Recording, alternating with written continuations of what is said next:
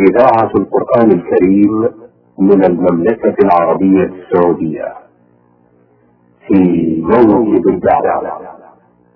إعداد وتقديم محمد بن عبد الله المشوح. الحمد لله رب العالمين والصلاة والسلام الأتمان الأكملان على نبينا محمد وعلى آله وأصحابه وأتباعه إلى يوم الدين. أيها الأخوة والأخوات السلام عليكم ورحمة الله وبركاته. حياكم الله في هذه الحلقة الجديدة من برنامجكم في موكب الدعوة. يسعدنا ويشرفنا أن يكون ضيفنا في هذا اللقاء هو صاحب الفضيلة الشيخ عبد المحسن بن حمد العباد المدرس في المسجد النبوي الشريف. وفي مطلع هذا اللقاء باسمكم جميعا أرحب بفضيلة الشيخ عبد المحسن وأشكر له وتفضله بقبوله دعوة البرنامج. حياكم الله الشيخ. حياكم الله وبارك فيكم. فضل الشيخ في الحقيقة أن آه، لنا عادة مع الإخوة المستمعين والمستمعات آه، إلى أننا آه، نعود مع الضيف إلى الوراء قليلا. لنستمع فيه البداية الأولى للنشأة والمولد. أين كان فضل الشيخ؟ بسم الله الرحمن الرحيم. الحمد لله رب العالمين وصلى الله وسلم وبارك على عبده ورسوله نبينا محمد وعلى آله وأصحابه أجمعين.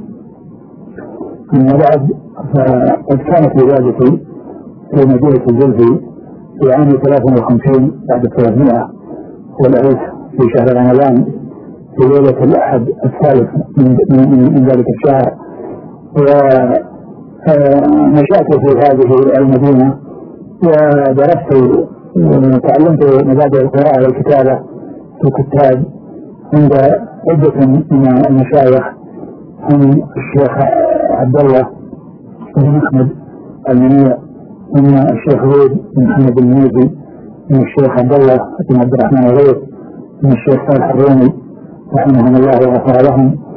وعند وكذلك درست يعني مواضع اللغة العربية وشيء من علم الفرائض على الشيخ حمدان بن أحمد الباكر إمام مسجد في جامع في الحي الجنوبي في مدينة الجلبي وعندما أنشئت أول مدرسة ابتدائية في الجلبي عام 68 و300 وألف وكان عمري ذاك خمسة عشر عاما.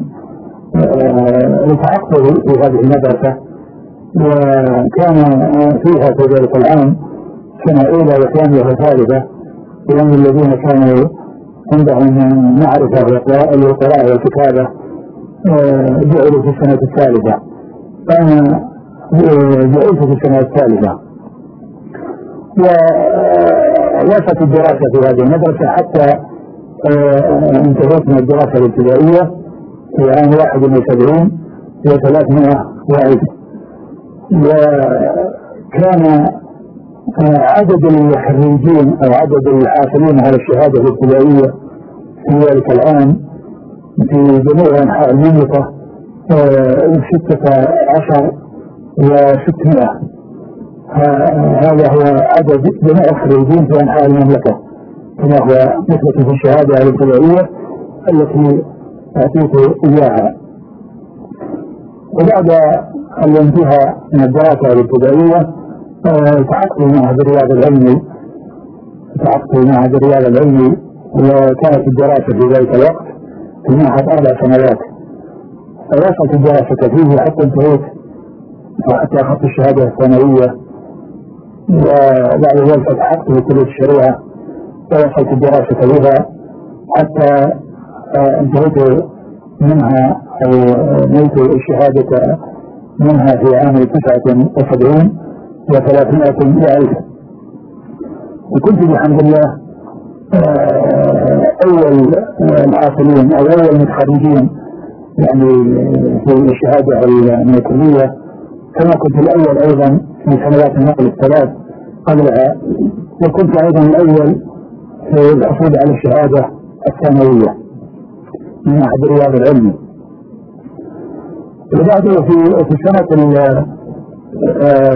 النهائية التي هي السنة الرابعة احتاجت رئاسة كليات المعاهد إلى بعض الدارسين في السنة الرابعة لتعيينهم مدرسين فكنت ممن اختير للتدريس في معهد درجة العلمي وذلك في آه، شهر جماد الأولى من آه، سنة 79 و 300 وألف. وكان راتب المدرس في ذلك الوقت خمسة وسبعين وتسعمائة ريال. كان مدير المعهد على ذلك مدير معهد الروضة العلمي في ذلك الوقت الشيخ محمد بن ناصر البيري. استمريت في فترة درست فيه في تلك السنة التي هي عام 79 وبعد انتهاء العام الدراسي آه، وصدرت آه، نتائج الاختبار ظهرت نتائج الاختبار. كنت ممن اختير للقضاء فعينت مساعدا لرئيس محكمة الدمام وعندما عبرت بذلك وهبت إلى سماحة الشيخ المفتي محمد بن الله رحمة الله عليه. فطلبت منه أن يأتيني وأن يعني يمكنني من الاستمرار التدريس لأنني كنت مدرسا في السنة الماضية في معهد درجة العلمي. فاستجاب لطلبي رحمة الله عليه. ولكنه قال ان نريد أن تكون مدرسا في الجامعة الإسلامية. فقلت اننا على استعداد كان يعني لهذا وكان يؤمل أن تفتح الجامعة الإسلامية في عام 80 و300 وألف ولكنه لم يكن في ذلك العام فكلفت أو اسند الي التدريس في معهد الرياض العلمي في تلك السنة وعندما أنشئت الجامعة الإسلامية في عام 81 جئت إلى المدينة وكنت من بين المدرسين فيها. أصابكم الله خير شيخ. أشرتم في ثنايا حديثكم السابق إلى عدد من المشايخ الذين تلقيتم عنهم دعوة العلوم في المراحل الأولية من نشأتكم.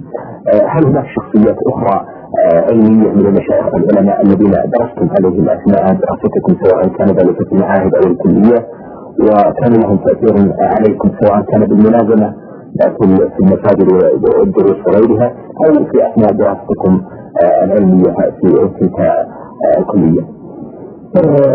أما بعد التحاقي بمعهد الرياض العلمي فكنت درست على مشايخ خبراء وكان وكان في ذلك الوقت يعني الذي هو عام 72 الذي دخلت فيه بمعهد الرياض العلمي لم يكن هناك يعني لم تنشأ كليات بعد وإنما كان المعهد العلمي فقط هو معهد الرياض العلمي هو الذي كان موجود وانشأ بعده معاهد في أنحاء المملكة وفي عام 73 انشئت كلية الشريعة في الرياض وواصلت الدراسة في معهد أربع سنوات وكان قبلنا ثلاثة أفواج يعني قبل الفوج الذي كنت فيه ثلاثة أفواج لأن هناك الفوج الرابع فلما كنا في السنة الأولى كان الفوج الأول الذي هم في السنة الرابعة يعني في المعهد وفي السنة التي تليها أنشأت الكلية تتعق فيها فنحن انتقلنا إلى السنة الثانية. وكان من بين المدرسين الذين استفدت منهم كثيرا وأذكرهم دائما وابدا ولا يرونهم من ذاكرتي لتميزهم وشهرتهم والاستفاده الكثير منهم. منهم في معهد الرياض العلمي للشيخ عبد الرحمن الفريدي رحمة الله عليه. فإنه كان ممن استفدت منه كثيرا فيما يتعلق بعلم الحديث وعلم المصطلح. وكذلك الشيخ عبد الله بن صالح الخليفي رحمة الله عليه الذي كان مدرسا للفقه وقد استفدت منه كثيرا. لا سيما من الأمور التي استفدتها منه والتي التزمتها في التدريس فيما بعد. هو انه عند عندما يريد أن يرجع الدرس يحصل المسائل التي يتكلم التي سيتكلم عليها في هذا الدرس. فيقول نتكلم في هذا الدرس المسألة الفلانية والمسألة الفلانية ويعدها بأصابعه فإذا فرغ من عدها شرع فيها تفصيلا. وفي ذلك فيه فائدة عظيمة. لأن الطالب يعني يكون على معرفة بما سيقع عليه. وحتى لو نسي الشيخ شيئا منها. فإنه يذكره. لأنه قد عبدها أولا. وكنت استفدت منها هذه الفائدة العظيمة التي التزمتها في تدريسي فيما بعد. ومن المشايخ الذين استفدت منهم كثيرا آه، وكان ذلك أيضا في يعني معهد الرياض العلمي. آه، الشيخ عبد الرزاق عفيفي رحمة الله عليه فإنني درست عليه في معهد الرياض العلمي وفي كلية الشريعة ومما درست عليه درست عليه في التفسير ودرست عليه في التوحيد ودرست عليه في أصول الفقه. وكان رحمة الله عليه عالما جليلا ومتمكنا في علوم مختلفة وقد استفدت منه كثيرا. وكان من الأمور التي استفدتها منه وكنت أتبعها في دروسي فيما بعد. أنه قال رحمة الله عليه وضع أسئلة شاملة في مقرر آه، بحيث يكون الطالب على معرفة بما يشتمل عليه المقرر من الأسئلة وحتى يشتغل نفسه باستخراجها من الكتاب وحتى يكون على علم تام يعني بمحتوى بمحتويات الكتاب ومن يشتمل عليه الكتاب عن طريق آه، آه، أو العمل على آخر الإجابة من هذه على هذه الأسئلة التي كان وضعها. فكنت استفدت منه هذه الفائدة العظيمة واتبعتها في كثير من دروسي فيما بعد رحمة الله عليه. ومن المشايخ الذين استفدت منهم كثيرا في الكلية سماحة الشيخ عبد الله الذي درست عليه في الفقه يعني في السنة الرابعة من الكلية يعني عدة أشهر قبل أن أذهب إلى آه، معهد آه، روضة العلمي وكذلك آه، الشيخ عبد الرئيس اللغة من الأردن وكان متمكنا في النحو واستفدت منه كثيرا يعني في هذه في, في هذه المادة. وهناك مشايخ كثيرون يعني استفدت منهم كثيرا آه، يطول ذكرهم ولكن هؤلاء الذين ذكرتهم هم أشهر هؤلاء المشايخ آه، رحم الله من توفي منهم ونبدأ بعمر من لقي منهم على خير وجزاهم الله جميعا عني وعن المسلمين خير الجزاء. اللهم آمين. سابقكم الله فضيلة الشيخ.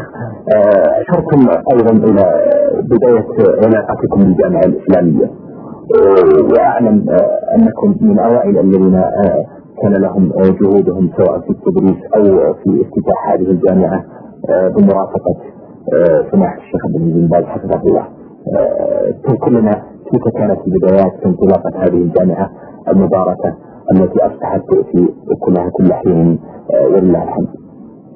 الحقيقة أن الجامعة الاسلاميه يعني حصل يعني في تأسيسها يعني امور اجتمعت كلها خير اولا يعني كونها جامعة إسلامية عالمية أكثر طلابها آه، من غير البلاد السعودية. وفي الحقيقة أن وجود مثل هذه الجامعة يعني من أجل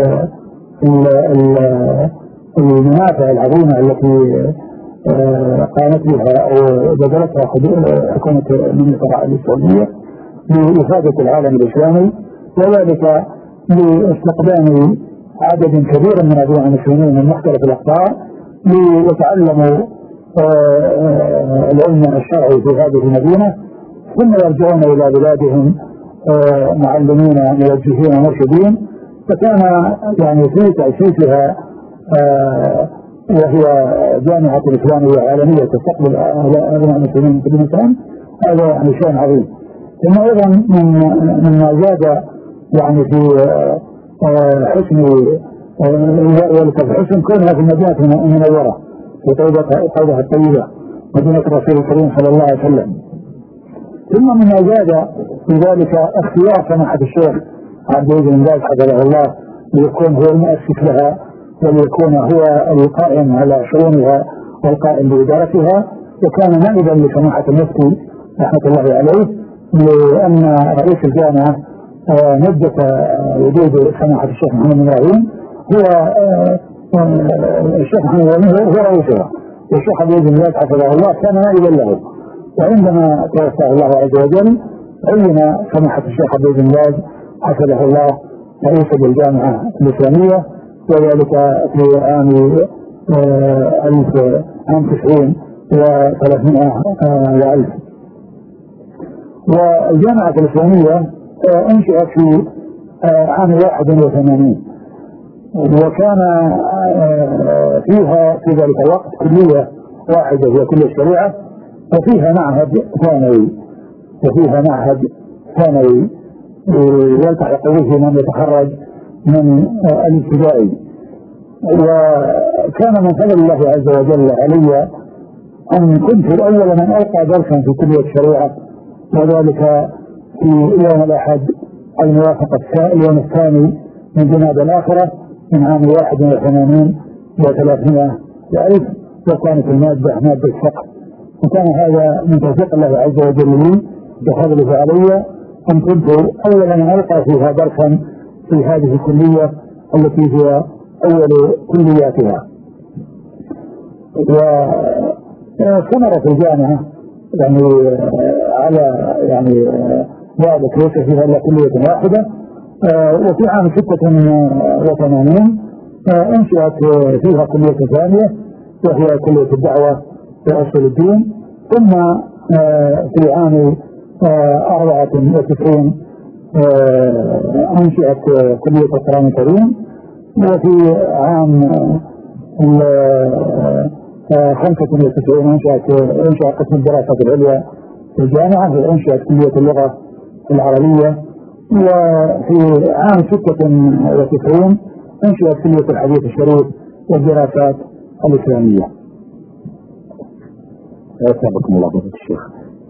أيضا بودنا أن نتعرف على عملكم في الجامعة الإسلامية كيف كان يتدرج وأين كانت كيف كانت الدروس التي كانت التي كنتم تلقونها في الجامعة في أي كليات؟ منذ إنشاء الجامعة كان في عام 81 كما قلت كنت أول من ألقى فيها درسا وذلك في كلية الشريعة وكانت مادة فقه ودرست الفقه يعني سنوات عديدة ودرست أيضا الحديث في بعض السنوات ودرست المصطلح أيضا في بعض السنوات ودرست التوحيد أيضا كذلك يعني في يعني في عدة سنوات. ولكن أكثر التدريس كان في مادة الفقه. وكان يعني ال واستمرت وحصل الاستمرار في التدريس في كلية الشريعة ثم في كلية الدعوة وأصل الدين معها يعني جاء بين الكليتين. وفي عام 93 و300 وألف بعدما عين سماحة الشيخ؟ عبد بن عبد الله رئيس الجامعة بعد وفاة سماحة الشيخ المفتي رحمة الله عليه أحمد بن إبراهيم طلب من جلالة الملك رحمة الله عليه إحداث وظيفة وظيفة باسم رئيس الجامعة الثانية فأحدثت تلك الوظيفة؟ في ميزانية عام 93 و 300 ألف وطلب من سماحة الشيخ يرشح لهذه الوظيفة يعني من يراه فاختار ثلاثة يرشحهم وكنت واحدا منهم وكان أن يقع الاختيار علي فعينت نائبا لرئيس الجامعة في يوم الثلاثين من شهر رجب في عام 93 و300 ألف وكنت نائبا لسماحة الشيخ عبد المجيد حفظه الله مدة سنتين حيث كان موجودا في الجامعة وفي شوال عام 95 و300 ألف حين رئيس لإدارة البحوث العلمية والإفتاء والدعوة الإرشاد فكنت في أربع سنوات تلت يعني انتقال سماحة الشيخ رئيس الجامعة في النيابة إلى شهر شوال من عام 29 و300 وألف وفي تلك السنوات الست التي كان الشيخ عبد في سنة منها وأربع منها كانت بعد انتقال سماحة الشيخ حصل يعني بالجامعة الحمد لله خير كثير. فقد انشأ فيها كلية القرآن في عام 24 وقسم الدراسات العليا في عام 25 وكليه اللغة العربية في عام 25 وكليه الحديث الشريف الدراسات الثانية في عام 96 وكانت وكان في الوقت الذي أنشأ فيه قسم الدراسات العليا كان 95 عدد المدرسين السعوديين في الجامعة قليل قليل جدا بالنسبة إلى غير السعوديين. ولكن بعد مرور 20 سنة تماما وفي عام 1415 طلعت احصائيه للجامعه الاسلاميه وكان عدد المدرسين في الجامعة 100% ليس فيهم متعاقد واحد كان بعد 20 سنة من انشاء قسم الدراسات العليا في الجامعة الاسلاميه. أحسنكم الله الشيخ. أيضا بودنا أن نتعرف على جانب مهم من حياتكم وهو تدريسكم في المسجد النبوي لكم دروس لله الحمد قائمة ومعروفه ويحضرها العديد والكثير من طلبة العلم الذين يستفيدون من علمكم من تدريسكم. فضيلة الشيخ كيف كانت البداية لهذه الدروس في عام كم وما هي الدروس التي تلقونها في حلقتكم بالمسجد النبوي الشريف؟ اولا يعني بعد يعني بعد الانتهاء من العمل الإداري في الجامعة الاسلاميه استمررت في التدريس يعني حتى حتى عام 1413 حيث بلغت سن التقاعد وفي عام ست بعد الأربعمائة والألف بدأت في التدريس في المسجد النبوي وذلك في شهر المحرم من عام 1406 وكنت قبل ذلك ألقي دروسا المسجد النبوي لتهوية الحجاج في موسم الحج. ولكن بدأ التدريس النظامي وقراءة الكتب وتدريس الكتب المعينة. إنما حصل من أول عام 1406 وكان أن بدأت بالتدريس في صحيح مسلم حتى أكملته ثم بدأت بتصحيح البخاري بتدريس صحيح البخاري. حتى أكملته وبعد ذلك بدأت بتدريس سنن النسائي حتى أكملته وفي أول هذا العام الذي نحن على وشك انتهائه وهو عام 1419 بدأت في التدريس لسنن أبي داود. وهذه هي هو كنت يعني أيضا في بعض السنوات. درست الفيه السيوطي بالمصطلح في المسجد النبوي في ليلة من الليالي. وكانت دروسي في المسجد النبوي في جميع الليالي إلا ليلة واحدة. يعني في ليالي الإسبوع كلها ما عدا ليلة واحدة. ومن تلك السنوات التي مضت خصصت باسا واحدا لألفية السياط في مصطلح حتى أكملتها. وبعد ذلك صار تدريسي مقتصرا على كتب الحديث وكما قلت أكملت ثلاثة كتب من الكتب الستة وبدأت في الكتاب الرابع الذي هو سنن أبي داود كل يوم تدريس بل في مسجد النبوي كما قلت يعني بعد المغرب من كل في ليالي الأسبوع ما عدا ليله الجمعة. أيها الأخوة والأخوات في الحقيقة بودنا أن نسترسل كثيرا مع صاحب الفضيلة الشيخ عبد المحسن بن حمد العباد المدرس في المسجد النبوي الشريف والذي استمتعنا وإياكم بحديثه الطيب والمبارك عن رحلته ومشواره العلمي وعن بعض التوجيهات النافعه للإخوة المستمعين والمستمعات.